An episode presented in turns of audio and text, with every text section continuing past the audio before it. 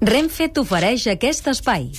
És Electoràlia i aquest any ja sabeu que podeu interactuar a través del 932017474. En Mario Serra avui ens porta un rellegit esplèndid, però un llegit extraordinari. 5 queles. El primer 5 queles de la temporada. Aixequem-nos, Manel. Aixequem-nos. El primer ens aixequem. 5 queles per... I aplaudim. Aplaudim-lo.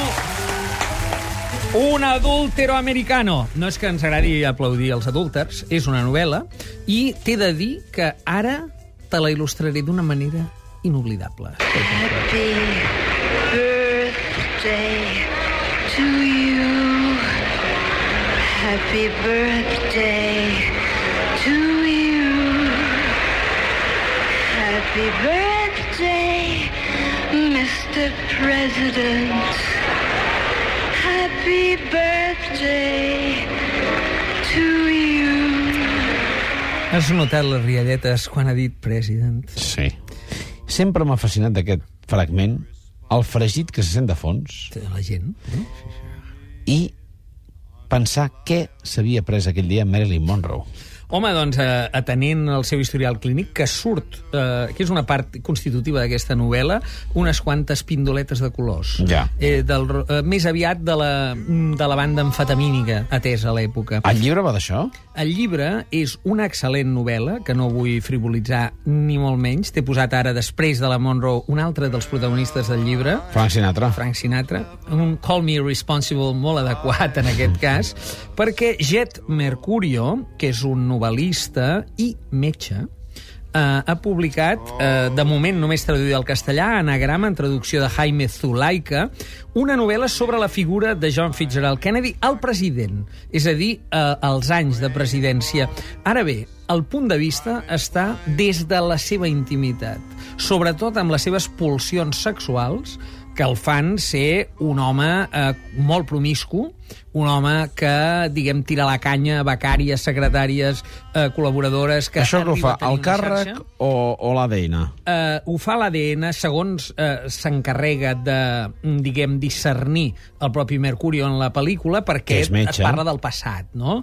També del seu passat de seductor, de, diguem, de, de, de jove playboy. Hi ha tota una filosofia del doner, mujeriego, en, en la traducció castellana, que és molt ajustada. I està bé perquè no el jutja mai, ni a favor ni en contra, tampoc el mitifica, eh? L'explica. eh, l'explica. Quan se situa l'acció, eh, Kennedy ja és un home madur que té gravíssims problemes de salut amb la seva esquena, eh, especialment després de la guerra que ell ha passat. Ell ha estat un heroi de guerra, marí, va, eh, i pateix... Bé, té un estol de metges que li donen pastilles, li donen píndoles de tota mena per pujar, baixar la pressió, els ronyons, això allà, i és molt angoixant veure, mm, diguem, com una cosa és el anar mantenint la figura pública, aquest mite que ens ha arribat somrient, un home que anava en faixa.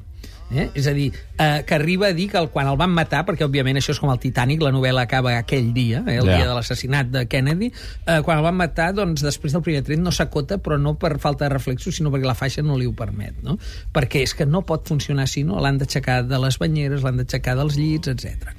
Eh, la promiscuitat aquesta sexual que en un principi te la fa dir, hosti, serà una, com una crònica rosa d'escàndol, no, no, esdevé eh, diguem, un retrat, eh, això sí, molt ajustat de les estratègies, de com l'eròtica del poder fa doncs, que hi hagi, vaja, que només hagi d'alçar un dit per acostar-s'hi. Després hi ha tota la seva relació amb Frank Sinatra, també, el qual Frank que apareix com a Frank i com a Marilyn, i després veus que, és clar és el Sinatra, és la Monroe, és una mica el rei, eh, fins i tot d'una falocràcia clarament marcada propera a la màfia, amb festes, doncs, amb putes, eh, a Los Angeles, i el president s'hi afegeix, i tot això que diríem, oh, que escandalós, a veure, tot això està fonamentat en dades biogràfiques de les biografies secretes. Uh, el Jet Mercurio és molt clar i ho explica, i al final fa un, un diguem, un apèndix que diu, escolti'm, uh, això és ficció, això és una novel·la, m'he basat en això, això i això. El que surt darrere, i això també és important de dir, és la història important del segle XX com a en segon pla. Però vivim des d'aquesta pulsió de si canvio de becària o tinc dos amants o tres, o eh, vaig a fer una reunió amb el primer ministre, diguem, de, del, del Regne Unit, vivim la crisi dels míssils amb Cuba, vivim la seva mítica anada a Berlín, el seu, els seus discursos, a l'Eich bin ein Berliner, que ha passat a la història, tot això ho estem vivint. I, I quina és la seva escala de prioritats? Seva escala... Pensar en qui s'hi canvia de becària o amb, o amb la preocupació pels míssils? Clar, clar, és que les dues estan al mateix nivell, això és molt fort. Però les dues estan al mateix nivell, però en aquest sentit no et pensis que el Mercurio el dibuixa com algú absolutament trivial i banalitzable, ni molt menys. Vull dir, el que passa té com unes necessitats fisiològiques que tampoc s'encarreguen aquí de dir que és re patològic, com això que ha passat amb aquest eh, jugador aquests de que golf, que són no? addictes al que sexe. diu addicte al sexe. No, no, escolti, no busqui excuses mèdiques. Aquest tio és que és un tarambana i, diguem, és un fletxa, no?, en un primer espasa i tira la canya.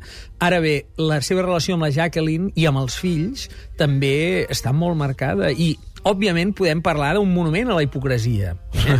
podem parlar-ho, però no és pas així. No és des d'aquest punt de vista moral o moralista que ho, el dibuixa la novel·la, sinó descriptiu, no?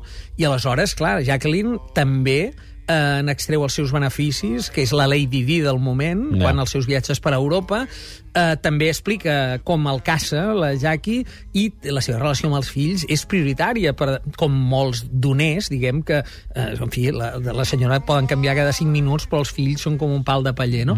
En definitiva, és una novel·la interessant, no gens, no busca l'escàndol, eh, de fet no és procàs, totes les situacions sexuals són, diguem, descrites, o hi són, però no són, eh, diguem, Explícites. explícites. Home, a veure, sí que hi ha... És obvi, és un dels temes centrals, però en cap cas s'hi recrea, Val. eh, sinó que busca un estil molt ajustat i és un punt de vista molt inèdit per veure un primer espasa. Fins i tot hi surt el Bill Clinton amb una clocada d'ull quan era un jove estudiant, diguem, de, de, de no sé si d'Arkansas, no? Que això ja és una llicència, diguem, que va donar la mà al president i surt un jove que és el més ben dotat i el que xerra més i es diu Bill. I dius, bé, aquí ja m'estàs dient que, de fet, projectes, el fet eh, de Clinton torna a ser una figura molt semblant a Kennedy, fins i tot en aquest aspecte de la pulsió sexual, que ja és més explícita perquè està en una societat més transparent, no? A l'era de, de Kennedy, diguem, els escàndols només sorgien si eren molt flagrants o eren amb una espia, diguem, com li passa amb un primer ministre britànic. En definitiva, una novel·la molt, molt recomanable. Cinqueles, eh? un adúltero americano, d'anagrama. Jet Mercurio i aquest, sobretot aquest punt de vista radicalment diferent. Mots clau. Sexe, poder, malaltia, història política i, clar, Estats Units.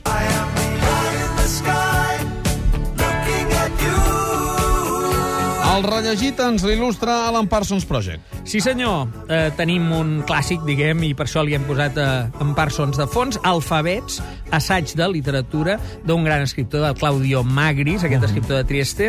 Això en català, edicions de 1984, en traducció de l'Anna Casasses, que és sempre una garantia, i en castellà també anagrama. Això és un recull d'escrits, eh? eh és rellegit perquè són eh, reflexions sobre la literatura, sobre les antologies, sobre els bestsellers, sobre el compromís dels escriptors i les avantguardes, amb un estil molt atractiu d'un gran autor, que és allò que mm, sempre permet submergir-se en un altre ritme, eh? aquell qui eh, fa de la lectura un modus vivendi, un modus pensandi, gairebé, no? Per tant, eh, complement, diguem, una lectura complementària de l'altra, molt recomanable aquests alfabets, assaig de literatura. Claudio Magris. Mots clau. Aquí són llibres, és la cultura llibresca des del romanticisme enllà, literatura, història, romanticisme i aquesta paraula una mica que s'havia quedat una mica fora de moda en el món de la literatura, compromís. Mario Serra, moltíssimes gràcies. Fins la setmana entrant.